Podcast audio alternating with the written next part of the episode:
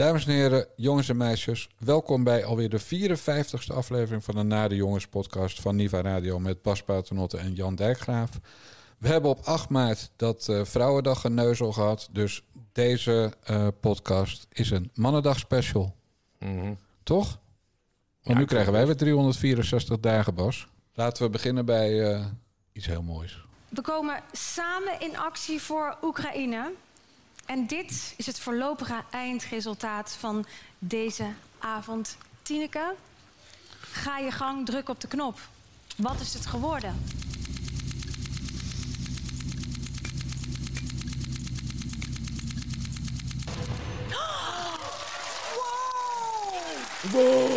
Dit is fantastisch, Tineke! Fantastisch! Kan je noemen het bedrag? 106 miljoen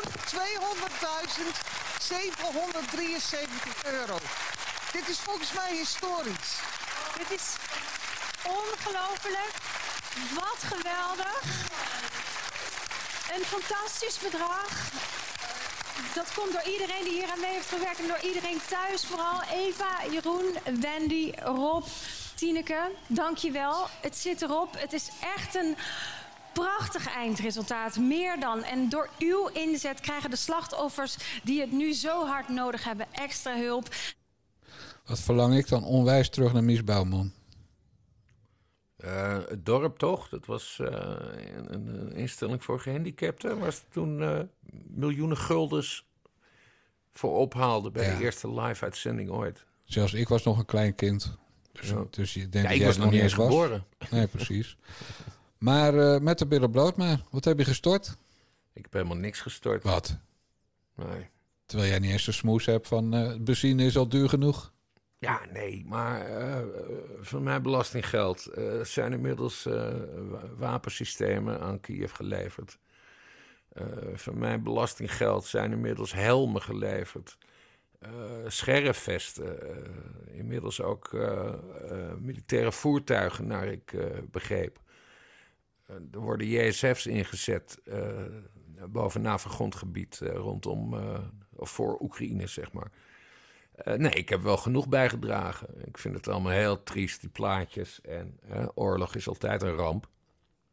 Daar, daar is ook geen discussie over. Maar ik voel mij dan niet direct geroepen om een tientje over te maken of zo. Ja, ik vind het wel een beetje knieperig. Hoeveel heb jij overgemaakt, Dijkgraaf? Nou, niks natuurlijk. Nee, maar, maar dat komt eh, door Tineke. Die je hoorde. Tineke Seder van de Vluchtelingenwerk. Ik bedoel, die, Ja, die, die, die tientjes en die, en die euromunten... die liggen dan echt te klepperen in mijn portemonnee... met storten, storten, storten. Maar dan zie ik eh, die zesdubbele onderkin ergens aan de grens weer staan. Hè. De grens, uiteraard aan de goede kant van de grens, van- vanuit haar perspectief. De Poolse kant van, eh, van de grens. Dan denk ik, ja, ik ga dus niks geven waar eh Tineke Seelen 130.000 euro per jaar mee verdient. Rot even op. En ik had een heel sympathieke andere actie gezien eerder. En daar, heb ik- daar heb ik wel aan meegedaan. En dat is huur een kamer bij een eh Oekraïne, Oekraïner, Oekraïnier, hoe heet zo iemand? Nou ja. Huur een kamer via Airbnb bij iemand in de Oekraïne. En dat heb ik gedaan. Ik Oh. ben natuurlijk niet gegaan, dat snap je. Ja. Zo laf ben ik ook wel weer. Oh, maar dat is wel slim. Heeft, heeft Airbnb er ook reclame voor gemaakt? Nee, niet echt. Maar Airbnb rekent voor de mensen die een kamer verhuren niet eh, de gebruikelijke provisie. Eh, dus, dus dat is een sympathiek gebaar. En er zijn heel veel kamers in Oekraïne te huren. Ik heb dan gezocht op Kiev. En ik heb Mhm. expres de drie goedkoopste genomen. Omdat je dan wel bijna zeker weet dat het bij een particulier terecht komt, dat geld. Ja. Maar ik heb liever dat drie mensen blij zijn met 25 euro. Ja, het was iets duurder. Ze kosten Maar hoe kwam je daarachter? Hoe bedoel je? Nee, eh, heb je dat zelf bedacht? Ik nee, nee, ik zag, Airbnb- ik zag langskomen op Facebook dat iemand eh, zei van... eh, kunnen we geen, geen kamer gaan huren en dan niet opkomen? En dat blijkt inmiddels ook al een serieuze actie geworden te zijn. Ik vind het een geniale actie. Kijk, daar heb je als, als dat Oekraïne gemaakt, heb je wat, daar heb je wat aan. Ja, dat blijft er dus niks aan Tineke Seelen hangen. Ja. Aan, aan de strijk, eh, nou ja, stok, aan de strijk. Ik heb, ik heb in het verleden heb ik vaak heb ik wel eens contact gehad met, met Tineke Seelen. En ik, ik weet niet hoe ze er nu in staat. Maar ik kon het altijd goed met haar vinden.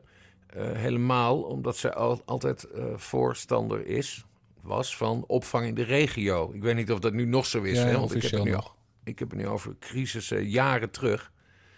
Maar dat nam mij altijd wel voor haar in. Hè? Dat ze niet zei van eh, geef geld, dan gaan we de arme mensen helpen. Nee, er zat ook een visie achter van Ja. eh, we moeten ze opvangen in de regio. Waar ik een groot voorstander van ben. Dus Vluchtelingenwerk eh, helpt in de regio inderdaad. Ja. Ik weet niet of dat een politiek statement ook is, maar in ieder geval is dat wel wat ze doen. Dus zij, zij helpen wel aan de grens van Polen en Hongarije, maar ze zijn niet zeg maar van de Leo Lucas brigade en de Bente Becker Express. Nee.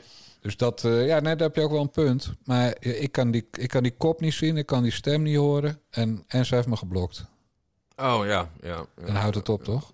Nee, maar, maar sowieso, hè. Eh, ja, liever eh, rechtstreeks bij drie gezinnetjes in Oekraïne... dan op de grote hoop en dan eh, 83 strijkstokken. Ik bedoel, Ja. gaat om met al die acties. Ja.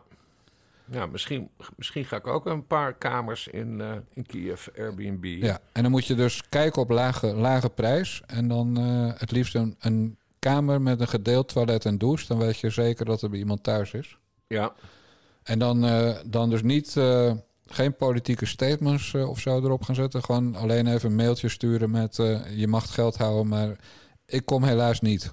Nee, Want de nou, treinen dat, was een andere actie eh, gaande op dat eh, Dekselse internet, internationaal, die ik eigenlijk heel naar vond. Eh, toen gingen allemaal deugdmensen uit de hele wereld. die gingen, Yelp heet dat geloof ik. Dat is een soort internationaal recensieding voor restaurants. Oh ja, gingen, ze, gingen ze over de hele wereld Russische restaurants afzeiken. ja. Van, oh, er zit eh, vies toilet en er zit een kakkerlak eh, in, de, in de borst. En ik vond het zo gemeen. Ik bedoel, dan ga je dus ook nog eens even die Russische burgers te grazen nemen. Wat is dat voor gelul? kleuterschoolniveau. Ja, kleuterschool. Een andere recensieactie was dat er bij re- restaurantrecensies allemaal dingen over de oorlog werden geschreven. hè, Om de Mhm. censuur te omzeilen. Dat was dan wel weer grappig. Heeft ook allemaal geen zin natuurlijk. Maar. Nee. Hey, zullen we even een stelletje deugers door gaan nemen? Ja, ga je gang. Jouw vriend. Papa, waarom slaapt die man op straat? We hebben op de zolder toch een plekje. Plekje. Papa, wie is eigenlijk de baas van de wereld? Moet hij niet een beetje op hem letten? Ik vertel je niet alles.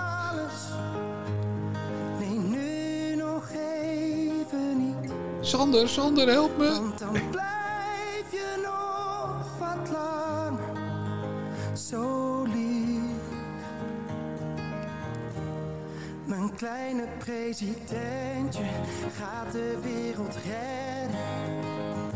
Dus blijf jij nou voorlopig maar klein.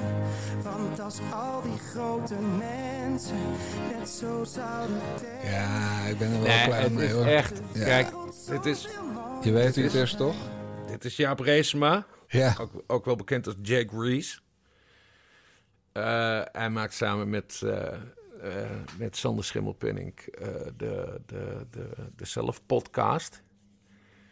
Eh, wat, waar ik fan van ben, zoals we vaak hier bespreken. En eh, hij heeft, dit, dit, heeft hij dit gisteren, heeft hij dit maandag gezongen? Ja, op de die, eh, radio. Ja, bij die radioactie. ja, eh, nou, het typische. Kijk, dan zie je wel dat hij, hij is wel een klassieke BN'er, hè. Hij, die podcast is hij hartstikke goed in. Jaap Reesema heb ik het dus over. Schimmelpink ook, maar nu even specifiek over Reesema.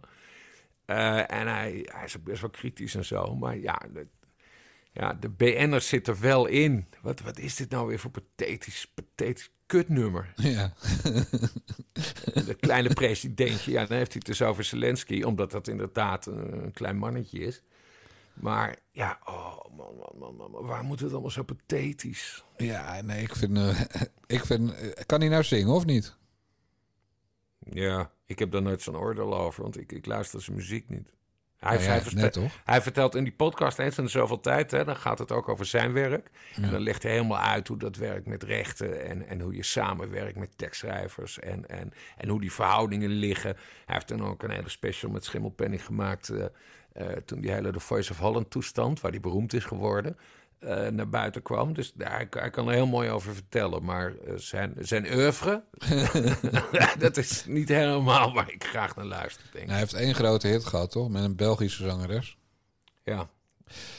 Ja. Nou, maar dit, Maar dat heb ik ook niet pathetisch- geluisterd. Nee, maar dat, dat pathetisch, hè. Hij is natuurlijk... eh, jij, jij zegt dan, hij is bekend van de Voice of Holland. Dat is een beetje onzin. Hij is bekend van de Hermes House Band.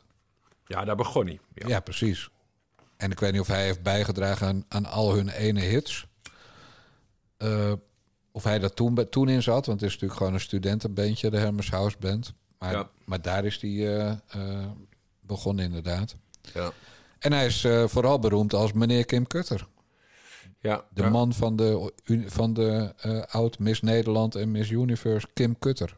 Ja, die jij goed kent, want ze kwam bij jou wel eens in de show toen jij nog voor de NPO met Jantje Roos en... Sst, NPO niet zeggen.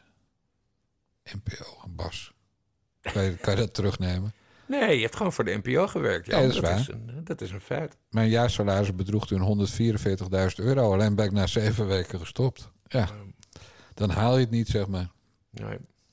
Nee, dat klopt. Maar weet je wie ook eh, wie eigenlijk nog erger, erger? Kijk, dat die Jaap door Kim eh, er naartoe wordt gestuurd met doe even een liedje, dan ben je ook weer in beeld. Dat geloof ik allemaal wel.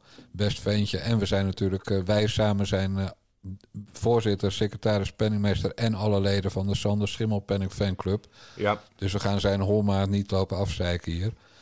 Weet je wie wel heel erg waren? Dat waren Mattie en Wietse. Die ken je ja wel. en, dat, en, dat, en nee, dat, moet, dat zul je nu ook de luisteraar even moeten uitleggen. Het de enige wat ik weet is dat ze ruzie hadden bij een of andere radiozender waar ik nooit naar luisterde. En, en, en die ene heeft de ander genaaid. En, en nu waren ze voor het eerst weer samen. ik ik heb dus helemaal even- niks gezien, hè? Dus jij moet vertellen, Ja. hoe was het? Ik zal eerst even, eh, zeg maar, voor de, voor de mensen die ze niet kennen, duidelijk maken hoe het zit. Bas en ik maken dus samen een podcast, een Nare Jongens podcast. Stel nou dat wij eh, benaderd worden do- door een, eh, een bepaald bedrijf om de podcast daaronder te brengen. Nou, dan zeggen we natuurlijk nee. Maar stel dat we ja zouden zeggen, samen. Dan zou Bas dus in zijn eentje achter mijn rug om gaan onderhandelen. In plaats van voor ons tweeën. En, eh, eh, en dan, zou die eh, ja, toch bij Niva Radio bijtekenen. Ik ga het nog even overdoen. Bas en ik zitten bij Niva Radio en worden benaderd door Pietje Puk Radio om daar een podcast te gaan maken. Wij gaan praten met Pietje Puk Radio. En ik denk, nou, wij gaan samen naar Pietje Puk Radio, want die biedt ons geld. En wat doet Bas dan achter mijn rug om? Die gaat met de directie van Niva Radio praten. En die tekent daar, maar zonder mij, namelijk in zijn eentje.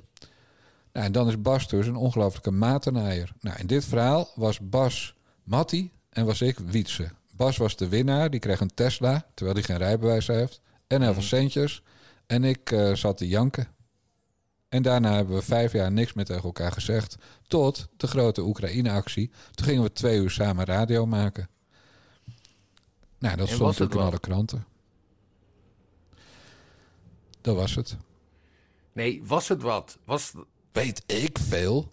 Jij maar je had denkt toch alles gezien, of niet? Bas, ik ga toch niet vanaf ochtends zes uur, ja dan wel, dan was Gerard Ekdom. Ik, ik ga verder toch niet een hele dag naar, naar een stelletje eh incestueuze zelfbevlekkers op, de, op alle omroepen, alle radiostations zitten luisteren. Ben je belazerd? Toen niet gek. Ja, dat is het dubbele. Kijk, eh, ze zetten dus dat, dat conflict wat ze ooit hadden, dat zetten ze in. Ja. Maar je haalt er schijnbaar wel 100 miljoen euro mee op. Ik vind dat ik, ik Zij vind het wel een mooi bedrag hoor. Dat is echt heel veel geld. Ja, er komt nog wel wat bij ook, van later stortingen. En de overheid die bijlapt. Maar dat, dat hebben zij natuurlijk niet gedaan. Ze waren met twee uurtjes op de radio. Ja. Laten we niet overdrijven. Maar dat, dat, dat wij eh, dat echte boterverhaal van wij, zijn weer, wij gaan voor één keer weer samenwerken na vijf jaar niet met elkaar gesproken te hebben, bla bla. Ja, donder toch op. Ah, ja, Donder dat was een reclame vroeger, ja, met, eh, voor echte, Echte boter. boter. Dat Ja. zit e- ja. God, god, god. Met wie zou jij eigenlijk zo'n echte boterreclame willen maken? Heb je wel eens met iemand ruzie? Nee, ik, eh, ik ben een zeer vredelievend iemand. Ik heb nooit, met nooit, eh, nee, ik heb nooit ruzie. Iedereen met wie ik ruzie heb, weet dat het uitgesloten is dat ik ooit een, eh, een, een, een, boterham met boter, of weet ik veel hoe die reclame ging. Echte boter. Echte Met echte boter krijg je ze weer samen, was geloof ik de kreet. Ja, nou, zo rol ik niet. Maar met wie heb je het ergste ruzie? Geen idee. Allemaal mensen die ik heb geblokt. Dus dat, Ah, onbekende no-no's. nee, ook echt. eh, Oh man. Nou, Ja, maar van die types die altijd op je aan het zeiken zijn. Eh, CDA-chroniqueur PG Kroeger. de- Oh ja. Hans Maarten van der Brink. de, de subsidie-tsaar, oud-directeur van de VPRO... die iedereen de maat wil nemen. Leo, Leo Lucas eh, met zijn permanente nepnieuws over vluchtelingen. Dat, kijk, eh, als de, boter, de boterindustrie eh, mij met iemand om de tafel willen zitten, dan zullen ze die namen noemen. En dan zeg ik nee, doe ik niet aan mee, doei. Nee, oké. Nou heb je toch namen genoemd, dat is mooi. Ja. Daar Ik ging zie, om. ik, zie, ik zie in het draaiboek nog twee namen voordat we naar het volgende onderwerp gaan. En dat is Koblenko en een meneer wiens achternaam ik niet kan uitspreken. Is dat een man? Is dat die oud voetballer? Ja, Yevgeny Levchenko. Ja, daar wou ik het nog even over hebben. Voor we, eh, voor we naar het volgende onderwerp gaan. Want ik ben... Ja. Ik, heb, eh, ik heb ook heel weinig gezien gisteren, maar nog wel een staartje van op één. Mijn favoriete programma, een eigen geintje. Eh, en die Levchenko, die, zeg maar, eh, het masker viel af. Want die begon te, jullie moeten dit, jullie moeten dat. er. En dan gaat het natuurlijk om, jullie moeten oorlog gaan voeren. Eh, jullie zijn dan eh, de EU, hè? Hmm. Dan denk ik, ja vriend, maar ben je nou zo dom? Nee, dat is hij niet. Maar als wij oorlog gaan voeren, dan hebben we dus oorlog met, eh, met Poetin. En dan is de, de, de rode knop niet ver weg, volgens mij. Ik heb er geen verstand van, maar dat, eh, dat zegt wie je duk. Mm. En ook eh, mensen aan de linkerkant hebben dat geloof ik wel door, dat dat kan. Maar, maar Levchenko, die roept dus... Levchenko is de partner van Victoria Koblenko. En hij eh, eh, is vanwege zijn familie erbij betrokken... maar woont al 100 jaar in Nederland. En Levchenko zegt dus gewoon... ja, de EU moet oorlog gaan voeren. Want het Ja. kan toch niet wat er allemaal gebeurt. Nou, en dan denk ik, nou, dan mag hij nog wel zeggen... als zijn masker afvalt... Maar toen ging ik even opzoeken wat heeft Levchenko dan allemaal gedaan. Behalve in elke talkshow opdraven met, eh, met, met die pronkkip van hem. Hij heeft armbandjes gemaakt.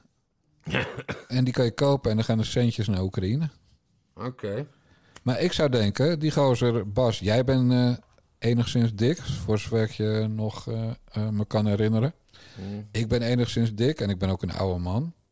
Maar Levchenko is in de kracht van zijn leven. Wat gaat let hij, hem? niet, gaat, hij gaat dus niet vechten. Nee, wij moeten het oplossen, de EU. En hij, eh, ik, zie, ik zie dus wel allemaal van die moedige Oekraïense mensen.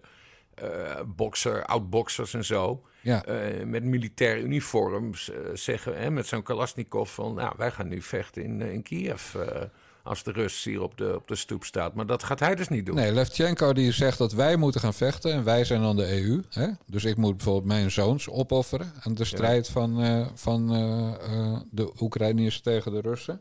Ja. Dat moet van hem. En hij gaat dan armbandjes zitten knutselen met Koblenko en, en elke talkshow aflopen die maar belt. En dat doen ze Ja. allemaal op dit moment. ja, bizar. Dan denk ik, gast, het is jouw land. Het is niet mijn land. Nou ja, we mogen, we mogen ons best wel zorgen maken over Oekraïne. En het is overduidelijk dat, eh, dat de Russische inval zeer afkeurenswaardig Tuurlijk. is. Eh, maar dat wil niet zeggen dat... Hè, want dat was ook de discussie. eh, Zelensky, de, de, hè, de kleine president, zoals Reesman hem dus noemt... die, we- die heeft dus een tijdje lopen roepen van... ja, wij willen een no-fly zone. en die moet worden verzorgd door de NAVO. Maar ja, wat gebeurt er als je, als je de westerse vrije wereld... eh, boven, boven Oekraïne laat cirkelen voor, om een no-fly zone af te dwingen. Ja, dan moet je op een gegeven moment Russische MIG gaan, af, MIGs gaan afschieten. Of die Russen beginnen op onze JSF eh, te schieten.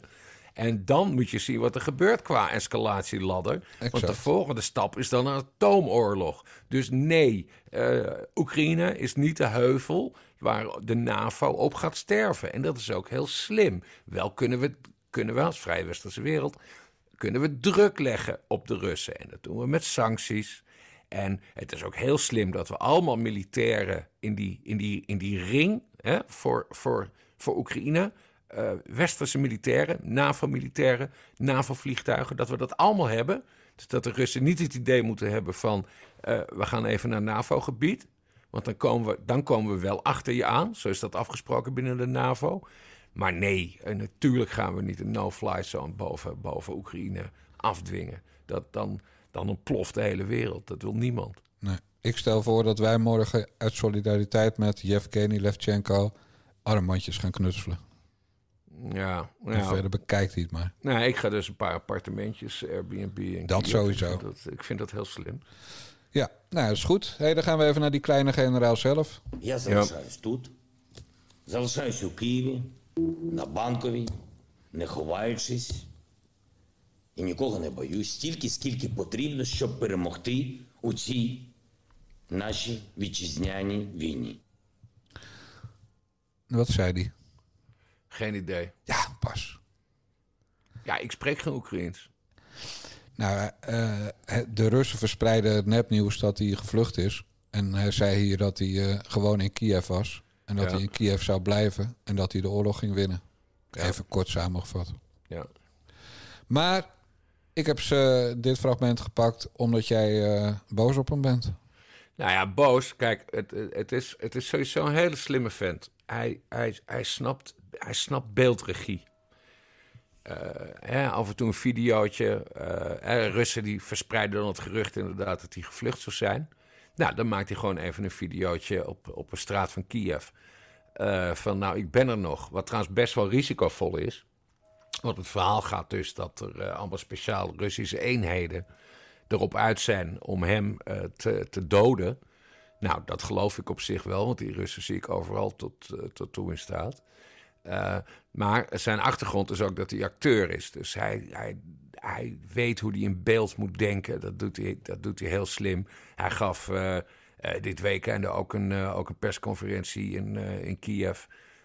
voor de verzamelde internationale pers. Nou, dan, en dan heb je zo'n katheder staan, maar hij kwam met een stoel eraan lopen en ging pontificaal op die stoel zitten op, dat, op dat podium. Hè, van Ja. jongens, we zijn nu even onder elkaar. Het was gelijk een Duitse journalist, ik weet niet meer van, van Bild of, of, of die wel. eh, eh, die hem direct een hand gaf en eh, zei, iets zei van ik ben trots op u, bla bla bla. Dus hij heeft het allemaal fantastisch door. En hij is dus een Twitter-fenomeen, want hij is continu aan het twitteren met wie hij gesproken heeft, bla bla bla. Maar dat ging dinsdagmiddag, ging dat dus even mis. Ik zal het even voorlezen. Ja. Talk to at Minpress. Dat is dus onze Mark Rutte.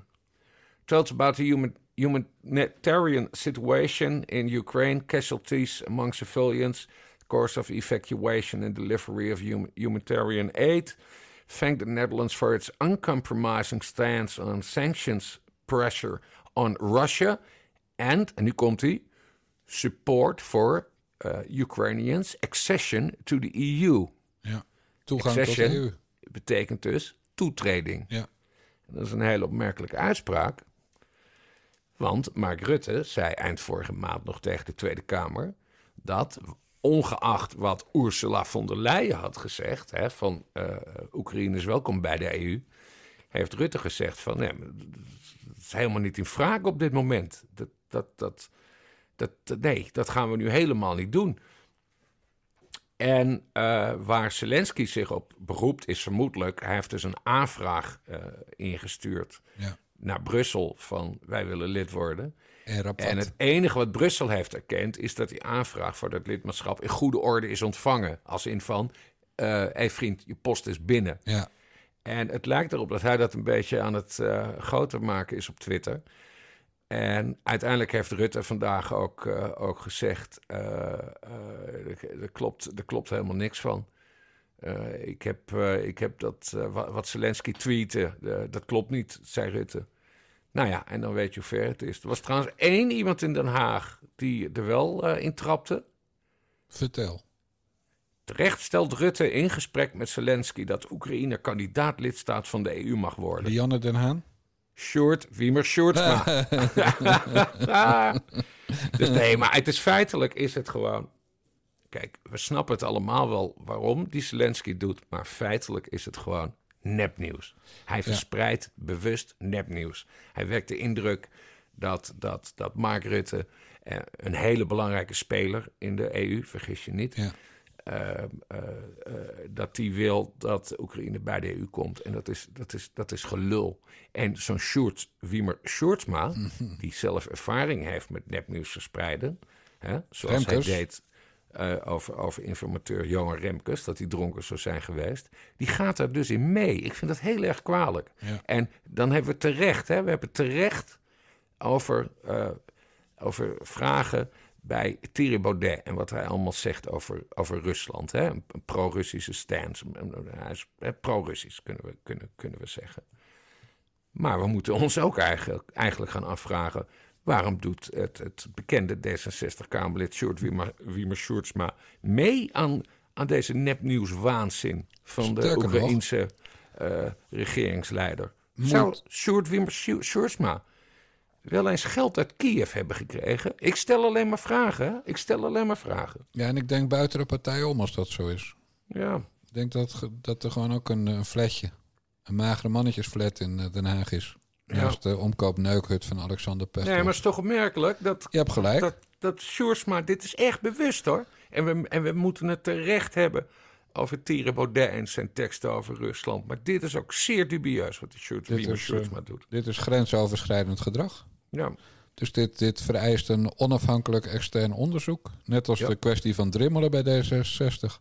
exact. Dan weten wij wel wat eruit komt. exact. En wat, wat ik wel grappig vind, Bas, is dat jij volledig gelooft dat Rutte niet liegt. Dat is ook dat is een nieuwe. Ja, nee, maar eh, hij is gewoon heel erg duidelijk geweest in de Tweede Kamer. Hij zei van het, het, het draagt niet bij aan de oplossing van dit conflict. eh, als we Oekraïne nu al dan niet versneld eh, lid laten worden van de, van de EU. Dat klopt. Dus dat nee, daar geloof gezegd. ik Rutte wel in. Eindelijk houdt hij een keer zijn poot stijf. En hij moet ook wel, want hij heeft het ons beloofd in het eh ja, precies. inlegvelletje. Ja. Het is uitgesloten dat het associatieverdrag met Oekraïne een uh, opmaat zou zijn naar een lidmaatschap. Waarmee je eigenlijk zegt van Oekraïne zal nooit lid worden van de EU. Dus ik ga er ook vanuit dat Rutte, uh, wanneer het zover is, wat een proces is wat trouwens jaren duurt, maar dat Nederland dan zal zeggen: uh, nee, wij vetoen dit, uh, dit voorstel, want zo ja. hebben we dat met onze kiezers uh, afgesproken. En strikt genomen is Rutte het nu dus ook aan het vetoen, want hij zegt van het is. Of hij zei dan vorige week, zei hij van, nou, het lijkt mij geen goed plan. En nu zegt hij over die Zelensky van, ja, klopt gewoon niet wat die man zegt. Ja, en jij gebruikt grote woorden. Ik heb zo vaak gelezen van je ook Rutte die het vetoot. Maar je loopt nu ongeveer, nou, laten we zeggen, Rutte loopt nu twaalf jaar mee hmm. in Europa. Heeft hij al eens wat gevetood? Ja, geen idee, maar we waren altijd heel streng met die... Uh, nee, Nederland, is niet, Nederland is niet bang een grote mond in Europa te hebben. Uh, dat, dat, hebben we ook gezien met het, al die steunpakketten voor die, voor die knoflooklanden, zoals uh, ik weet niet meer uh, Wilders dat, dat noemde. Ja, Griekenland. Ja. En, maar in, in, in, in dit geval, Mark Rutte is heel erg duidelijk. Hij, het is ook niet met mail in de mond. Hij zegt van lidmaatschap van de Oekraïne is op dit moment geen oplossing. Verder zie ik het sowieso niet zitten. En vandaag zei hij dus, dinsdag, u luistert op woensdag, uh, was heel duidelijk wat, uh, wat meneer Zelensky, de kleine president, op Twitter zet. Klopt niet, want zo is het niet gegaan. Nou, vind ik moedig, moedig van Mark ja, Rutte. Maar het, op dit moment van Rutte is het, geitenpa het geitenpaadje, het inlegvelletje, de uitweg. Mm. Maar dat zien we dan wel. Ja, maar dan kan ook morgen zijn bij Rutte. We moeten eerst ook maar eens even kijken of, of meneer Zelensky überhaupt in, uh, in leven blijft. Ja. En hoe dit, dit gaat aflopen. Daar heb ik allemaal geen verstand van. Nee. Jij wel? Nou ja, god, och, uh, ik ben, de, ik ben de, een beetje leunstoel Kissinger af en toe. nee, ik ben gewoon heel erg pro-NAVO. En uh, ik denk dat de oplossing uh, bij de NAVO ligt. En let cooler heads prevail. En volgens mij heeft die, die Poetin ook wel door. ze hebben de McDonald's. En McDonald's is gestopt met, met alle 800 vestigingen in Rusland. Ja. En Pieter Waterdrinker, uh, die vond dat een de hele, hele, hele goede schrijver. Absoluut. Woont, in, uh, woont ook in Rusland, is nu weer in Nederland, geloof ik. Die zegt van, ja, je kan erom lachen, de McDonald's dicht. Maar voor de gewone Rus komt het dan wel heel erg dichtbij, die sancties. Ja. Hè, want voor heel veel mensen is, of hè, voor ons in het Westen, wij gaan even een frietje halen bij de McDonald's. Maar die Russen die zijn niet zo rijk. En daar is, het, uh, is een bezoek aan de McDonald's met het gezin. Dat is echt een uitje. Ja. En ja, ja dat wordt ze dan afgenomen. Ja, dan kun je twee kanten op. van oh wat gemeen, ze nemen het van ons af, hè, die, die, die Ja. nare mensen uit het Westen. Of ze gaan denken van, hé, hey, ze nemen dit van ons af omdat onze president Poetin een oorlog is begonnen. En daarna kan ik er verder niks over zeggen, want ik, heb, ik, ik, ken, ik echt nul Russen volgens mij. Dus ik vaar allemaal op, op wat de jongens als waterdrinkers zeggen. Maar ja, dat is wel, wel interessant. Ja, absoluut. Hey, eh, eh, we hebben nog een kleine generaal. Een generaal in eikeltjes pyjama. Ja, voorzitter, ik was in eerste instantie niet naar voren gelopen... want ik ging ervan uit dat er een legitieme reden was. Maar ik heb inderdaad begrepen dat dat niet het geval is. Speech op dinsdagmiddag is geen reden om niet hier in de Tweede Kamer te zijn. En dit gaat eh, voorbij één bewindspersoon. Dit gaat over de positie van de Tweede Kamer. En wat mij betreft zouden dit vragen u met deze bewindspersoon... alle waardering dat u er bent, niet eens door laten gaan. Eh, en ik zou zeggen, doe eerst maar de andere vragen. En laat mevrouw Kaag maar terugkomen. Laat de minister van Financiën eh, maar terugkomen. Want als we dit op accepteren als Tweede Kamer... dat er andere prioriteiten zijn dan hier in de Tweede Kamer zijn bij het vraaguur... ik vind dat we dat als Tweede Kamer niet zouden mogen accepteren. En voor alle helderheid, als er een internationale top is... als er afspraken zijn, als er echt iets, een prangende zaak is... zal ik er altijd begrip voor hebben als een bewindspersoon er niet is. Maar dit is dit absoluut niet. En daarom zou mijn voorstel zijn om niet dit vragenuur met de staatssecretaris te doen... maar de minister van Financiën terug te vragen naar de Tweede Kamer. En we wachten wel tot ze terug is. Hare hooghartigheid Sigrid Kaag. Die werd dus voor het vragenuurtje gevraagd naar de Kamer te komen. En dat heeft eh, prioriteit, hoort dat te hebben in het kabinet. Maar mevrouw had bezigheden buitenshuis. Ze ging namens haar partij een of andere speech over... eh, Ja, nee, ik onderbreek je even, want zo, zo, is, het, zo is het niet gegaan. ga ik even pissen. Ga Eh, maar vertellen. Nee, Lilian Marijnis van de SP, die heeft de minister-president naar de Tweede Kamer gevraagd voor het vragenuur. Eh, om eh, eh, te praten over de, de koopkrachteffecten in Nederland. Want dat gaat dus allemaal vreselijk mis. Op een gegeven moment bleek dus dat Mark Rutte niet kon. Want die was een Europese top over Oekraïne aan het voorbereiden. En toen werd er dus een, werd de staatssecretaris van Financiën gestuurd, wiens naam ik natuurlijk niet uit mijn hoofd ken. Een mevrouw van de VVD. En toen zei Lilian Marijnissen van, ho, wacht even. Eh, waarom komt dan, dan eigenlijk de minister van Financiën niet, Sigrid Kaag? Want het is gebruik dat als de premier niet kan, als die wordt uitgenodigd voor een, eh, voor een vragenuur, dat een vicepremier langskomt. En Sigrid Kaag is toevallig ook minister van eh, Financiën. Eh, maar mevrouw Kaag, die zat in Maastricht. Een of andere toespraak stond ze daar te houden over, eh, ja, over hoe het verder moet met Europa. En daar begon toen de, de, de grote, het, de poep eh, raakte de ventilator. Waarom kwam Kaag niet naar de Kamer? Nou ja, en dat kon dus niet. Want eh, Kaag was in Maastricht en daar moest Rutte maar komen. En daarom kwam Rutte uren later naar, naar de Kamer. Nou ja, dat is een beetje wat er gebeurde. Maar wat nog veel erger was, was dat eh, Sigrid Kaag, terwijl Mark Rutte in de Kamer eh, zich stond te verdedigen, eh, zij een tweetje aan het sturen was over haar werkbezoek. Want ze was dus eerst in Maastricht. En daarna is op werkbezoek gegaan naar het Tongeren in België. En dat is in de Euregio Maas-Rijn. En dat was dus heel pijnlijk dat ze haar volstrekt nutteloze werkbezoek daar toch eventjes over begon, eh, begon te twitteren. En terwijl Jan Dijkgraaf nu nog steeds aan het eh, plassen is, er gebeurde daarna nog iets veel interessanters. Want op een gegeven moment, eh, aan het eind van het debat, zei Mark Rutte: Ik wil het opnemen voor Sigrid Kaag. Want zij heeft zich een week geleden al afgemeld. Ehm, en dat is heel interessant. Waar heeft ze zich afgemeld? Want ze heeft zich namelijk niet in de Tweede Kamer afgemeld. Want Vera Bergkamp zei eh, eh, vanmiddag eh, dat ze niet wist waar Kaag was. En, en, en, en dat ze daarom eh, maar voor die staatssecretaris had, had gekozen. En daar werd Mark Rutte dus vanmiddag over, over, over bevraagd. En ja, dat is dus Jezus, de grote vraag. Want ik weet wel, want ik weet wel hoe het zit. Eh Sigrid Kaag heeft zich inderdaad afgemeld een week geleden, maar niet bij de Kamervoorzitter, want toen was nog helemaal niet bekend dat deze Kamervragen gesteld zouden worden tijdens het vragenuur. Ze heeft tegen Mark Rutte gezegd: Mark, eh, ik ben dinsdag niet aanwezig, want ik moet een toespraak houden in Maastricht. En daarna ga ik eh, op een of ander raar werk, werkbezoek. En daar doelde Mark Rutte op. Dus het is niet zo dat Sigrid Kaag in de recht staat of zo. Ze heeft tegen Mark Rutte gezegd: Ik kan volgende week niet. Dat is het verhaal.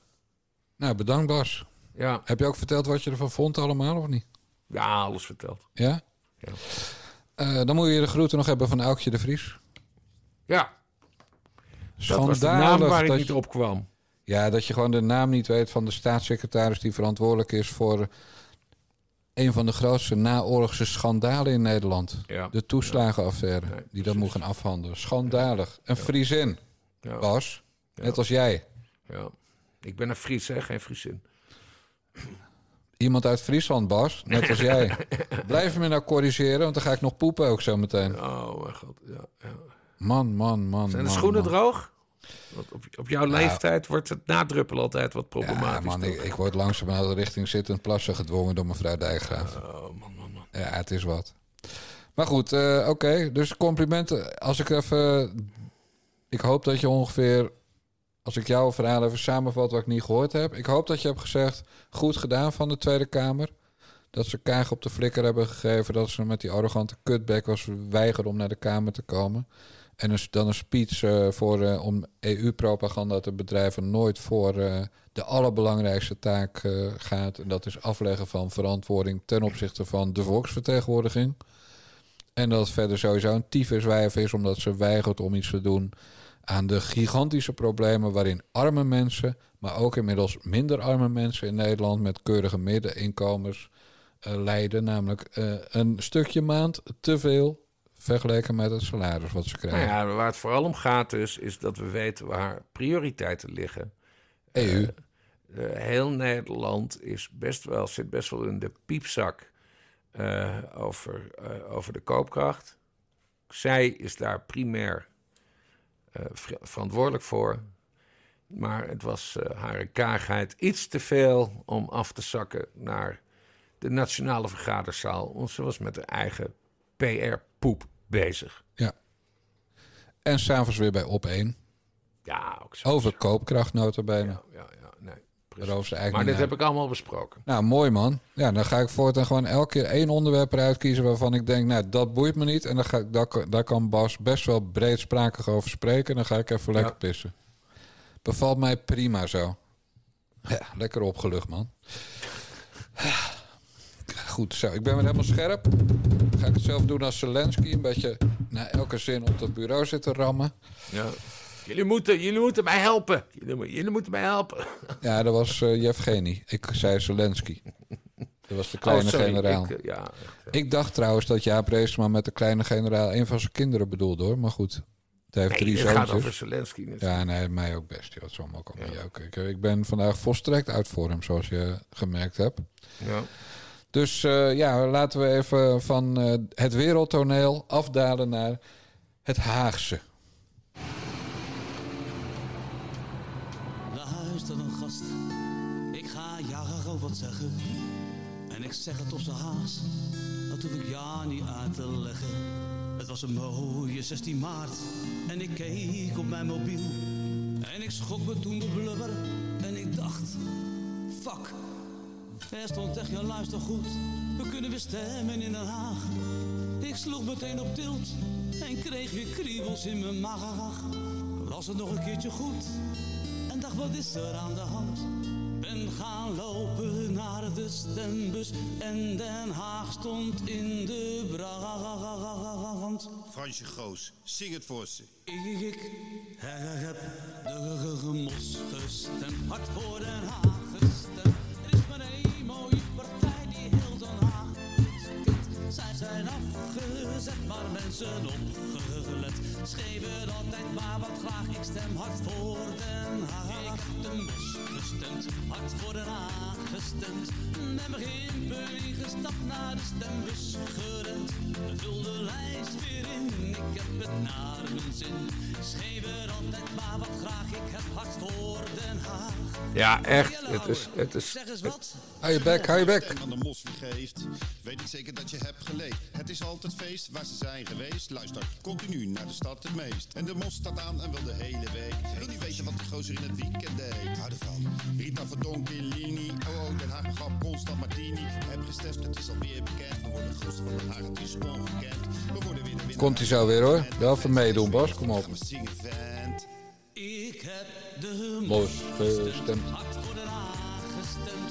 Er is maar één mooie partij die heel Den Haag goed kent. Zij zijn afgezet, maar mensen opgelet. Schreef er altijd maar wat graag, ik stem hard voor Den Haag. Ik heb de mos gestemd, hard voor Den Haag gestemd. Ben begin ingestapt naar de stembus. Nou, vooruit dan. ja, nee, Duurt nog twee minuten, dus Ja, nee, daarom duurt het veel te lang. Duurt veel te lang. Het, het, het, het is wel grappig. Die, eh, de mensen moeten de clip even opzoeken. Die zanger, die, eh, Frans. Die, ziet er, die ziet eruit als een soort, soort heino. nee, maar met, met dat gekwaffeerde haar en een zonnebril. En de rapper in kwestie, dat is... Want ik heb het allemaal aan de mos gevraagd gisteren... want ik zit niet zo goed in die Haarse cultuur. Jelle Meiners is dat. Dat is dus het raadslid Jelle Meijners, inderdaad. Maar wat mij vooral opviel was dat die zanger Frans Aswin... die klinkt helemaal niet Haars. Die, eh, die, die zingt helemaal op z'n Amsterdams. Viel mij op. Ja, volg ik ook wel een beetje. Ik heb hem ontmoet vorige week. Oh ja, je hebt nog een lezing, eh, een, eh, Ik heb een briefje essay gemaakt. voorgelezen daar. Ja. En Richard zei, wil jij mij afzeiken? Ik zei, nou, dan kom ik gratis. Ja. Dus ik heb een briefje gemaakt waarin ik heb betoogd waarom hij onschuldig is aan alles waarvan hij beschuldigd wordt. En ik heb, eh, ik heb ze even uitgelegd dat het bresje wat ze altijd doen, dat het echt belachelijk is. Dat ze er echt mee moeten kappen. Het bresje is dat je een vuist maakt, maar je duim niet kan buigen. Ken je dat? Ja, ja. Het, is, het ziet er gewoon niet uit, man. En dat doen ze allemaal bij... eh, ja, nee, maar dat is dus Donald... eh, de- dat heeft hij afgekeken van Donald Trump. Dat is die duim omhoog. ja. Maar ter zake, jij was, jou was iets opgevallen in het Algemeen Dagblad. Ja, kijk, het is echt zo smerig. Kijk, de Mos wordt dus verdacht van deelname aan, aan een criminele organisatie en corruptie en weet ik veel. Nou, daar is het Openbaar Ministerie nu al twee, drie jaar mee jaar. bezig. En eh, daar eh, komt bij dat zelfs de burgemeester van Den Haag en de vorige burgemeester van Den Haag, dus eh, eerst Johan Remkes en daarna, kom, hoe heet hij, de huidige burgemeester van Den Ik Haag? help jou niet meer. Oké. Van Zanen. Eh, Jan van Zanen, die hebben beide gezegd van... nou, het wordt nu wel eens tijd dat het Openbaar Ministerie... een beetje duidelijkheid gaat eh, scheppen over deze kwestie. Want er komen in 2020, 2022 gemeenteraadsverkiezingen aan. Nou ja, zover zijn we nu al. En dat blijft dus de hele tijd boven de markt hangen. Wat gebeurde er vervolgens dit afgelopen weekende? Een zichzelf journalist noemende Lex de Jonge... schreef een stuk in het Algemeen Dagblad... Waar staat Richard de Mos eigenlijk in dossier Oekraïne? Ja. Hè, dus we hadden het- dus dat frame van hij is mogelijk corrupt, dat werkt niet meer. Nee, nu gaan we kijken hoe kunnen we de Mos kapot schrijven qua de Russische inval in, in Oekraïne. Want, nu komt hij, Richard de Mos die schrijft wel eens een column op de dagelijkse standaard, wat trouwens een nepnieuwswebsite Ja, is. hij, ja. Daar is hij ook gestopt. Ja. En hij schrijft al, al, al twee jaar eh, bijna een wekelijkse column op tpo.nl. En die nepjournalist Lex de Jonge, die heeft dus een heel stuk opgebouwd om, om, om, om de aanname ehm, dat TPO een website is. Soms vooral kritiek, soms met vooral kritiek op het Westen. Dus soms vooral, Ja. dat snap ik al niet. Nee. Bovendien is, is het gelul. Wij zijn, wij zijn nog nooit pro-Russisch eh, geweest of zo. Maar hij schrijft het is puur en alleen om Richard eh, de Mos te kunnen aanvallen. Dus van ik duw TPO in de hoek van Rusland, van Poetin, van het Kremlin. En dan laat ik dat afstralen eh, in het Algemeen Dagblad met waar staat de Mos in dossier Oekraïne. En dan zie je ook, dat was ook zo geestig, dan zie je boven dat artikel staat de foto van Richard de Mos samen met de Oekraïense ambassadeur. En dan zetten ze in het bijschrift van eh, dat hij voor de Russische ambassade in Den Haag staat. Maar dat is Ook gelul. Ja, ja. Hij staat, hij staat voor de Oekraïense ambassade samen met de uh, Oekraïense ambassadeur. Met een heel spandoek waar je niet opneemt voor Oekraïne. Hoe, hoe kun je zo'n stuk schrijven? Hoe dom denkt zo'n zo'n Lex de Jonge, die zichzelf journalist en verslaggever noemt. Hoe dom denkt hij dat de burger is, joh? Kom op. Ja, ik denk dom. Ik denk dat het nog werkt ook, zoiets. Ja, het is gewoon zo kwaadaardig. Het is ja. zo kwaadaardig. Typisch uh, Algemeen Dagblad. Ja, het is echt heel smerig. Die Hans Nijhuis is weg. Het is nu Renny, Renny Rijpma. Rijpkema, Renny, Renny Rijpma. Maar er is dus helemaal niks veranderd daar. Ze zijn gewoon een hele enge deugagenda nog steeds aan het doordouwen.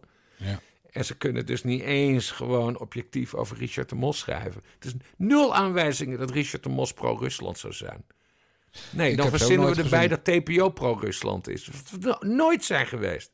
Tijdens in de aanloop, want daar, daar doelt die gast waarschijnlijk op.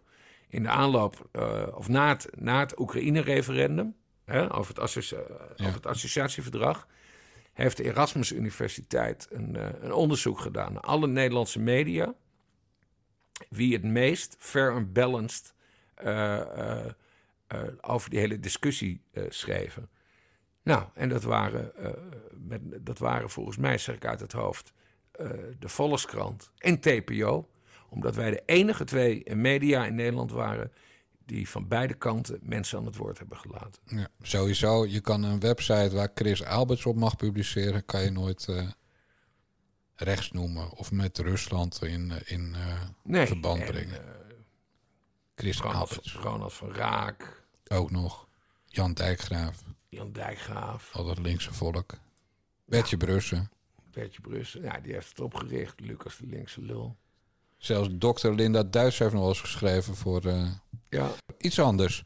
Waarom doe ik nou dat, dat, dat super, super leuk, super, super, super leuke liedje van eh, Jelle Meiners en die Frans, de Amsterdammer? Omdat wij een podcast zijn en sinds vandaag blijkt dat de publieke omroep totaal afhankelijk eh, relatie heeft. Nou, laat ik het, laat ik het anders ge- zeggen. Als iemand van BNN-Vara op de lijst zou staan van Lilianne Ploemen bij de PvdA, op welke plek dan ook. En die zou, gaan die, zou die Lilianne Ploemen gaan interviewen in een talkshow op de publieke omroep. Dan zouden jij en ik moord en brand schreeuwen. Dan zouden we BNN-Vara en die interviewer en Lilianne Ploemen helemaal de grond in boren. En ik weet dat ik nu inconsequent ben, want ja, alles waar Sigrid Kaag komt, of Hillary Clinton, hè, zoals bij Jinek, is natuurlijk precies wat ik net schetste. Behalve dat eh, eh, Eva Jinek niet op de lijst staat bij D66 nog. Maar goed, je hebt iets ontdekt. Vertel. Ja, ik heb ik ben nu wel heel benieuwd. Ik heb het niet ontdekt, ik heb het gewoon weer ergens gelezen. Mhm. En toen heb ik gecheckt. Toen, ik ging naar de, de lijst van Groep de Mos. En wie staat er op nummertje 45? Is dus kandidaat voor de gemeenteraad volgende week. Ahmed Arad. Onze Ahmed Arad. Het was mij ontgaan eerlijk gezegd dat Ahmed in de gemeenteraad wilde voor eh, Hart voor Haag Groep de Mos. Maar die staat dus op de lijst. En die zat dus dinsdagmiddag, begreep ik, Richard de Mos bij Ongehoord Nieuws te interviewen.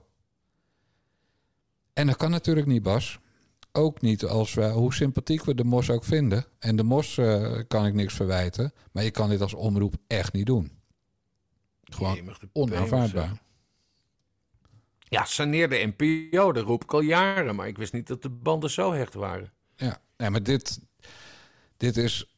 Kijk, als het satire is, dat hele ongehoord Nederland... Hè, van kijken, zeg maar wat Poont ooit wilde... het bestel van binnenuit slopen... Ja, dan is het geniaal. Dat je de lijstduwer van eh Hart voor Den Haag groep De Mos... Richard de Mos op de NPO, Nederland 1, laat interviewen. Weliswaar kijkt er geen hond eh, op lunchtijd, maar toch. Maar het is onaanvaardbaar. Ja. En eh, niks ten nadeel van eh, Ahmed. Hè? Ik bedoel, die doet ook maar wat hij moet doen van Kaskers. Maar Kaskers is daar de baas. Ja, dat kan je gewoon echt niet maken. Nee. Dus ja, wat gaan we eraan doen? Ja, Jij zegt NPO saneren. ja, ik zat tegelijkertijd te denken. Ja, bij de VARA gebeurt het natuurlijk ook om de haverklap. Hè? Of althans vroeger. Dat, eh, dan, dat presentatoren met PvdA... eh eh, ja, die aan de PvdA verbonden zijn... andere PvdA's gaan interviewen. Ja, verbonden of op de lijst. Ik vind het Maar, echt. ja, nee, dit gaat, dit gaat ook echt over de lijst inderdaad. Je hebt er wel gelijk in. Nee, dit kan niet. Nee, ik ben eruit. Kan niet. Heel Kijk- slecht. Heel slecht. Volgens mij is Ahmed Aanraad moet zich terugtrekken. Ogenblikkelijk. Van de lijst. Ja, of, eh, of als presentator. Een van de twee. Maar Ja, je dan kan het zou niet ik- combineren. Dan zou ik me van die lijst eh, terugtrekken. Kan niet meer. Maar goed, hij kan wel zeggen dat als hij voorkeurstemmen krijgt... omdat hij een Marokkaan in een rolstoel is... dat hij dan eh, geen gebruik maakt van zijn zetel. Ja, nee, wat dom van hem zeg. Nou, Heb wat je, slecht heb je van... Ahmed hierover gesproken? Nee, Jij hebt wel eens contact met hem. Man, ik, ben, ik, ik sta net, on- net nog op mijn benen. Hou eens op. Ik heb helemaal Ja. niemand gesproken. Jouw jou spreken had ik ook helemaal geen zin in. Maar ja, zo zijn wij. Ja, gewoon afspraak is afspraak. Ja, nee. Maar je kan, je kan, je kan niet als de nummer 45 eh, je eigen lijsttrekker gaan interviewen op de, op de publieke omroep. Nee, en waarom kan dat nou niet? Omdat de Haagse gemeenteraad 45 zetels eh, heeft. Dus als er eh, de komende week nog gekke dingen gebeuren... en de Mos gaat niet 15 zetels halen, wat hij hoopt... 14, 15 of 16. Maar hij gaat eh, eh, 45 zetels halen, allemaal. Ja. Ja, en dan zit Ahmed erin. En anders, ik bedoel, een Marokkaan in een rolstoel... die netjes uit Zwoorden komt, want dat is Ahmed... Ja, die kan ook gewoon met voorkeurstemmen erin komen. Dat is Henk Bres vier jaar geleden in Den Haag ook gelukt bij de Ja. PVV. Dus ja, de- hier is iets bij Ongehoord Nederland, vind ik vooral de leiding. Arnold Kaskus gruwelijk fout gegaan. Ja. Eén ding kan ik nog wel eh, ten faveur van, eh, ter verdediging van Ahmed zeggen. Ik begreep dat hij geen kritische vragen heeft gesteld. dus, dus ja, hij heeft een over. Nee, dat is natuurlijk niet. eh, dat is helemaal niet ter verdediging van Ahmed. Ik, eh, ik vind Ahmed een aardige gozer, maar die, dit is wel een bewijs dat hij geen benul van journalistiek heeft. Want dan zeg je, ik vind best Arnold dat jij Richard uitnodigt, maar dan laat ik die mevrouw van de DQ-matrassen de vragen liever stellen, want ik hou even mijn bek dicht. Ja. En wat heeft Ahmed als Of, je, of je zegt het in de uitzending. Nou, hij heeft wel iets Van, ik, gezegd. sta, ik sta op de lijst, dus ik kan, ik kan helaas niet aan dit gesprek meedoen. Hij had, een, hij had een disclaimer inderdaad, die was ook wel grappig. Hmm. Richard, wij kennen elkaar. Ja, zei Richard toen, en toen ging hij een vraag stellen. Dat, dat was de Dat disclaimer. was het, wij kennen elkaar. Ja, dat geldt, dat, dat geldt voor elke gast bij elke talk, talkshow haast dat de presentator iemand kent. Dus dat zegt hij, maar hij had natuurlijk moeten zeggen, Richard, ik sta op jouw lijst. Ja. Maar ja, dan was Twitter ontploft. Is Twitter ontploft hierover of niet? Want ik heb het allemaal gemist vandaag. Nou ja, ik hoor het nu pas. Dus eh, ik wist dit niet. Niemand vertelt mij nooit wat, Ja. zoals je weet. Die Frans, die staat, die waar je het net over had, die Amsterdamse zanger eh, uit Den Haag, die staat trouwens ook op de lijst. En, en het is een extreem inclusieve lijst, want er staat ook een, eh, hoe heet dat, zo'n zo'n man die zich verkleedt als, vrou- als vrouw, maar dan ook echt mooi. Mm, Hoe noem je dat? weet ik veel, trans of omgebouwde. Ik weet Nee, het is geen omgebouwde, het is, het is acteren, zeg maar. Maar het staat er ook op. Dus een, een eh, zeg maar, iemand die heet dan eh, eh, nou, Bas. Maar die heeft dan een Miss, Miss Bessie als artiestennaam. Zoiets, zo eentje staat erop. Ja. En het is, ja, het is een heel diverse lijst. En een, een kippenboer, hè, de beroemde uit Den Haag.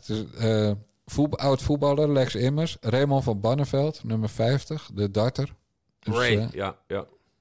180. Ja. Ik, kwam, leuk man. eh, ik kwam vroeger in het... eh, ik woonde vroeger in Den Haag. En eh, Ray Barneveld had een stamcafé waar hij dartte. Ik heb hem er nooit gezien, maar ik dartte daar ook. Dan komt het wel heel dichtbij. Ja. ik zie jou over een jaar of tien wel op de, de embassy hoor. Als je wat aangekomen bent. Ja, ja, ja, ja, dat was mooi, hè? Ray Barneveld. Vroeger deed hij het op een, eh, op een dieet van bakootjes. Ja. Maar hij is nu helemaal, eh, helemaal in de sport en, eh, of, of sportief. En eh, volgens mij mag je niet eens maar alcohol drinken bij, bij darten. Nou, ze, doen, hoeven volgens mij geen test te doen.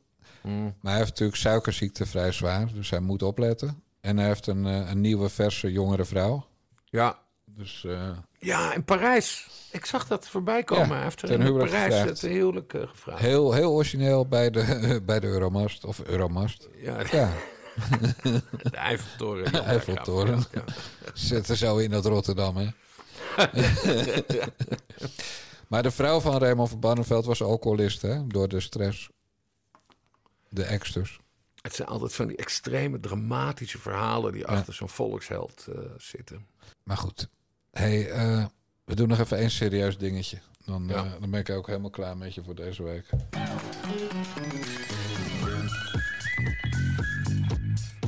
Ik ben Ruben Brekemans, nummer 30 van de VVD.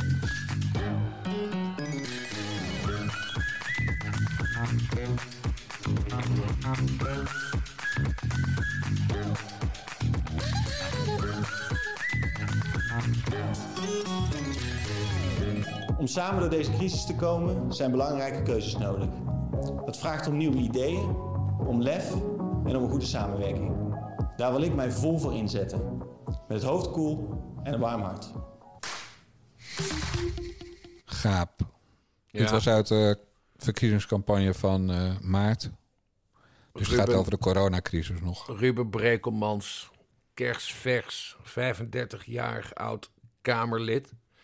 Hij heeft interessante portefeuilles, buitenlandse zaken en asiel. Hè, eigenlijk is het een soort, eh, soort opvolger van, eh, van Hand en Broeken.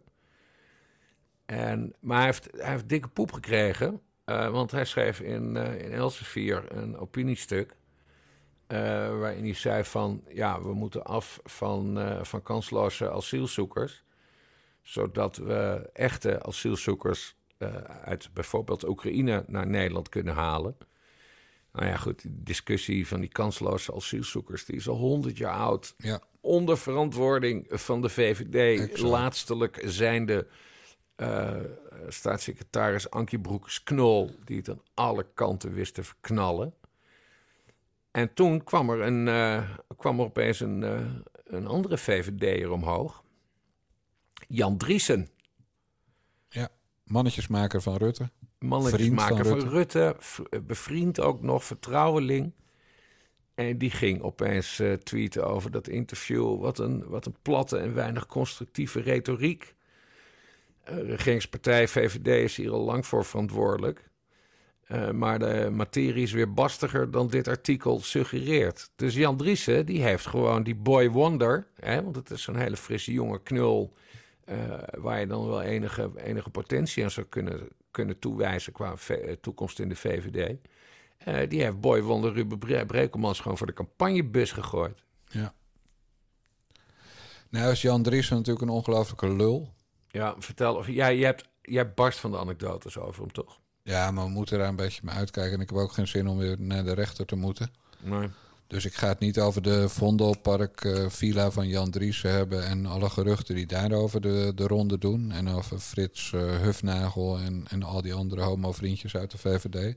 Ga ik het dus niet over hebben. Nee, dat was het eigenlijk.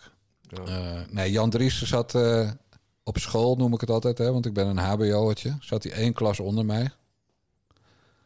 Eh, en ik denk dat we hem toen te weinig in het fietshok in elkaar hebben geramd. Jezus, je hebt, je hebt zelfs met Jan Dries op school gezeten. Ik weet daar niks meer van hoor, maar dat heeft hij zelf ooit eh, gemeld. Oké. tenminste, ja, dat blijkt ook wel uit eh, de lijst van oud-studenten, zoals ze zichzelf noemen. Maar we hebben allebei HAO-communicatie gedaan. Ja, En hij is eh, succesvol geworden, want hij is bevriend geraakt met Daisy Bouters, geloof ik. En eh, toen hij bij een of andere christelijke omroep eh, slijmerige interviewtjes deed. ja, ja, hij is journalist geweest. Hij is, hij is later is hij de communicatiekant op gegaan als, als hoofd. Egon. E- Egon, ja. Ja, precies. heeft hij heel veel geld verdiend aan, aan hoe heet dat, optiepakketten. Daar is die Vondelpark Villa ook van betaald van hem. Oké. Ja, het is gewoon, je, je hebt gewoon gladde mensen. Je hebt aalgladde mensen. Je hebt vreselijke, griezelige glibbers. En dan daaronder komt nog de soort Jan Driessen. Ja, Oh, wat is dat een foute man. En Ja, Jan nee. Driessen is bijvoorbeeld de man voor de mensen die geen beeld meer hebben. Hij- ja, als je niet eh, naar WNL kijkt, dan zie je hem nooit meer op tv. Maar voor de mensen die geen beeld hebben, Jan Driessen is de man die eh, zeker wist dat Camille Eurlings zijn vriendin, zijn toenmalige vriendin, niet in elkaar gebeukt had. oh ja, hij was ook woordvoerder van Camille Eurlings. Precies. Ja, dat soort volk neemt Jan Driessen het dus voorop. En dan niet als advocaat, hè. Ik bedoel, dat is gewoon een functie. Dat moet gebeuren. Iedere crimineel heeft recht op verdediging. Nee, maar Jan Driessen deed gewoon de PR-campagne voor Camille Ja. Eurlings. Ja, En wist ook gewoon dat hij het niet gedaan had. Omdat er een, uiteindelijk geen strafzaak is gekomen. Wat natuurlijk Nee. helemaal niks zegt. nee. Nee, het is gewoon echt de- uber-engnek van de VVD. En zogenaamd heeft hij geen functie meer. Maar één keer per jaar, althans pre- pre-corona, zag je hem dan op Koningsdag met zijn bootje vol met van die VVD-nichten. Waar dan ook Rutte altijd even aanschoof. En Fritsje Hufnagel en al dat andere volk. Door de gracht varen. Precies, en dat stond dan groot in de Telegraaf. Ja, gewoon een hele, hele, hele, hele enge man. Ja. En die Ik- gaat nu die vraag me af. Ik vraag me af, hè, want ik heb er dus een stukje over getikt op Nieuw Nieuws. Verder heb ik het eigenlijk nergens gezien. Op Twitter was het ook helemaal niet zo'n ding. Volgens mij weten heel veel mensen eh, anders dan eh, politieke junkies zoals wij... eh, hebben ook helemaal geen idee verder wie, wie Frans, of Jan, Jan Dries is. Eh, maar ja, eh, het is wel smerig hoor. Zo kort voor de campagne eventjes die brekelmans voor de bus duwen. Ja. En hij zit natuurlijk, eh, hij zit natuurlijk in, een, in, een, in, een, in een kamp bij de VVD. Want je hebt ook de huidige asielstaatssecretaris. Dat is nu mm, Van den Burg. Erik van den Burg. Ja, die Amsterdamse Ja, precies. pro... eh, Ja, die trouwens altijd, die, altijd die, die riep in de Haagse gemeenteraad zelfs van... eh, we, moeten, we moeten meer, eh meer asielzoekers... kunnen niet genoeg asielzoekers hebben. Ja, precies. Ja, dat was ongeveer de crème. Maar hij was een beetje uit zijn verband gerukt. Maar in elk geval is het een linkse VVD'er... Die, eh, die erg eh, positief staat ten opzichte van de komst van alle eh, nieuwe arbeidskrachten Ja. was. Ja. En, en kijk, Jan Driessen denkt ook, het is vers vlees. Laat me komen. Ja. Gerrit Salm zei ooit... bij de VVD bestaan maar twee soorten baden. Een warm bad of een bloedbad. Ja, Nou ja, Jan Driessen die is overduidelijk van het eh, bloedbad. ja heel fout.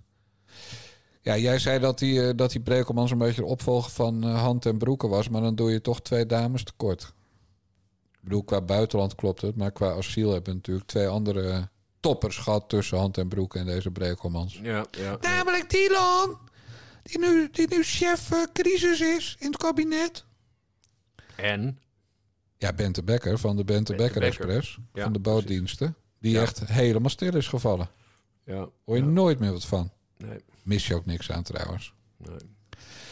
De, eh, een van die jonge VVD'ers, want je hebt er nog één, Peter Valstar. Die eh, werkte vroeger.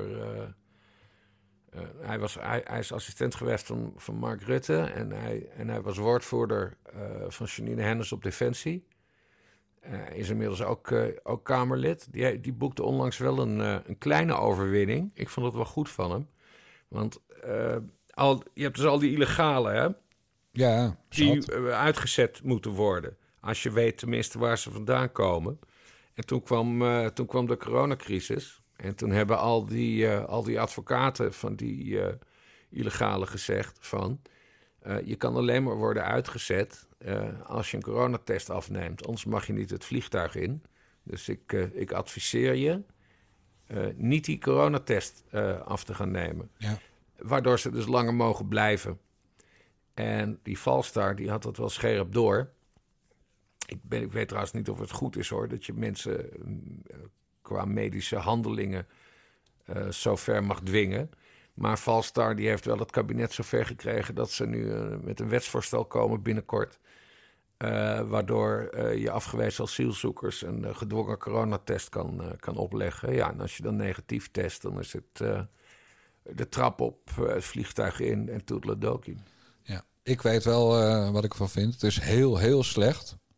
Omdat het eh, lichamelijke integriteit aanpast. Exact. Maar in dit geval wil ik het graag door de vingers zien pas. Want het is alleen maar in de vreemdelingenwet vooralsnog. Ja, nee, het, het, het, eh, niet, het gaat eh, dus niet gaat niet over jou Nederlanders of zo. Nee, het gaat dus over, over afgewezen asielzoekers. Exact. En die dus weigeren zo'n coronatest af te nemen, waardoor ze niet kunnen worden uitgezet. Dus ja. Maar ik vind het, ik vind het ingewikkeld hoor, als je kijkt naar medische ethiek, bla bla bla. Eh, maar maar hier kun- het, het lijkt me wel effectiever, eh, zo'n wet, dan, eh, dan al die jaren Ankie Broekersknol. Ja, weet je, in deze, deze week van, waarin het alleen maar lijkt te gaan over die oorlog in, tussen Rusland en Oekraïne. Deze week is even doorgedrukt dat de EU gewoon ne- in Nederland een censuurrecht heeft. Hè? Sputnik en, en RT zijn, moeten door providers van, van de kabel Ja, worden gehaald. Bizar.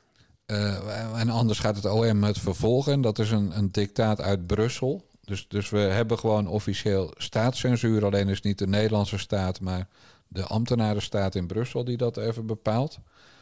Eh, verder de QR-pas, die gewoon een jaar verlengd wordt, waardoor mensen die geen, niet geboosterd zijn vanaf 1 juli waarschijnlijk niet meer kunnen vliegen. Ja. Want een test is, eh, is niet meer genoeg dan. En er worden zoveel dingetjes weer even tussendoor gerotzooid, Bas. En ik, daarom ben ik ook een beetje zaggerijnig vandaag. Ja. En omzicht die strijdt wel, maar het is voornamelijk eh, op Twitter te zien. En het, het krijgt geen tractie, zoals dat heet. De strijd. Nee, maar vergis je, vergis je niet in omzicht. Want dat, dat verwijt, dat krijgt hij, eh, krijgt hij vaker. Eh, maar over dat verlengen van die, van die of, of dat Europese coronapasverhaal. Daar is hij nu al een paar weken mee bezig. En dat zijn dan, dat zie je niet direct in de Kamer, maar dat zijn dan schriftelijk overleggen, heet dat. Dan gaan al die Kamerleden met elkaar eh, per e-mail vragen stellen aan, eh, aan Ernst Kuipers. Wat eigenlijk een soort van debat is. Alleen, je, ja, er is geen beeld van, want het zijn e-mails.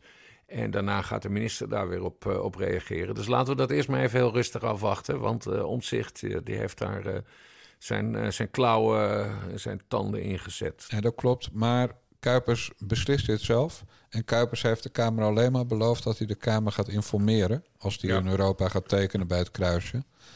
Nou, dat gaat hij doen. En als zou de Kamer erover mee beslissen, dan gaan toch die vier collegepartijen ermee akkoord. En Lianne Den Haan. Die ja, coalitiepartijen. Maar ja. Ja, toch? Ja, die is zijn collegepartij. Oh, sorry. Ja, ik, ben- ik ben wel met de gemeenteraad bezig. Ja. Ja, ja dan kan je van al die, van die Sigrid Kaag-achtig allemaal niet zeggen. Ja. hey, gast, eh zullen we er eens een end aan gaan breien? Het heeft toch weer lang genoeg geduurd, deze ellende. Ja, laatste voetbalnieuwtje nog even. Denzel? Nee, het restant van het gestaakte wel tussen Vitesse en Sparta... dat wordt uitgespeeld. Onduidelijk nog wanneer. Dat is eh, hoeveel minuten? Geen idee. Ja, een stuk of vier. Dat was Ja. wel een blessuretijd. Ja. Hoe vind je trouwens van Fred Grim, nu we het toch over voetbal hebben? Ja, eh, Fred Grim en zijn technisch directeur, toch? Ja, ja, ja. Ja, Nou, die zijn, er, die zijn eruit gegooid. Ja, nu moet ik je toch gaan corrigeren, Bas. Dus nu kan jij gaan pissen. Nee, Fred Grim is eruit gegooid en Joris Matthijssen is geschorst of op non-actief gezet, maar Ja. nog niet, niet ontslagen nog. Ja, je krijgt dan, je krijgt dan van die pushberichten. Dat doe ik allemaal niet aan. Eh, nee, maar ik, en, eh, ik wist sowieso niet wie die mensen zijn. en ik denk dan gelijk, oh mijn god, nog een MeToo-affaire. Net zoals bij Ajax. Maar nee, dit ging een keer echt over voetbal. Fred Grim is een hele aardige gast, maar wel een Amsterdammer. Mm. Ja, wel zielig, maar goed, weet je, voetbal, joh. Eh, Zolang het niet over Denzel Dumfries gaat, zal het me allemaal jeuken. Ja, precies. Ander voetbalnieuwtje nog, dat de, het slachtoffer van, van die Ajaxiet, die eh, Promes, die zo Ja. nodig nog mee moest doen in, eh, in het Nederlands elftal. Maar het slachtoffer eist nu dat de aanklacht wordt veranderd van poging doodslag in poging moord. Dus de rechtszaak is even uitgesteld tegen Promes. Ja, Promes die stak een mes in. En dat was ook zijn neef nog, toch? Ja, van zijn, ja, goed, ja, dat is natuurlijk in die wereld is iedereen een neef van elkaar. Mm. Mm. Sylvana heeft ook 14 broers van 23 vaders, dus eh, zo gaat dat daar. Maar dat is, eh, nee, dat klopt, een neef. En, en ja, het lijkt mij poging moord voor de voorbedachte raden. Hou eens even op. Dus het gaat nog wat langer duren. Maar het is nog niet zeker, vertelde meneer Spong, zijn advocaat van Promesters, of meneer bereid is om uit Rusland naar de rechtbank te komen voor de zaak. Oh, hij zit in Rusland ook. En voetbal, ja. want Ajax dacht toen van, oh shit, zoals jij dat noemt, poep hits the fan. Ja. Eh, die gaan we even snel verhuren aan Rusland. Oh, man, man, man. Ook weinig menselijk van Ajax gezien de situatie nu in Rusland. Kan niet eens naar de McDonald's, die promes. ja, is toch mooi kut. Pas, dit was de 54ste aflevering van de Nare Jongens podcast van Niva Radio. Onze website is nivaradio.nl. Doneren, ik heb geen corona. Doneren kan bij de Nare Jongens podcast op tpo.nl via narejongens.backme.org of via bunk.me slash Niva Radio. De mazzel. Doei, doei.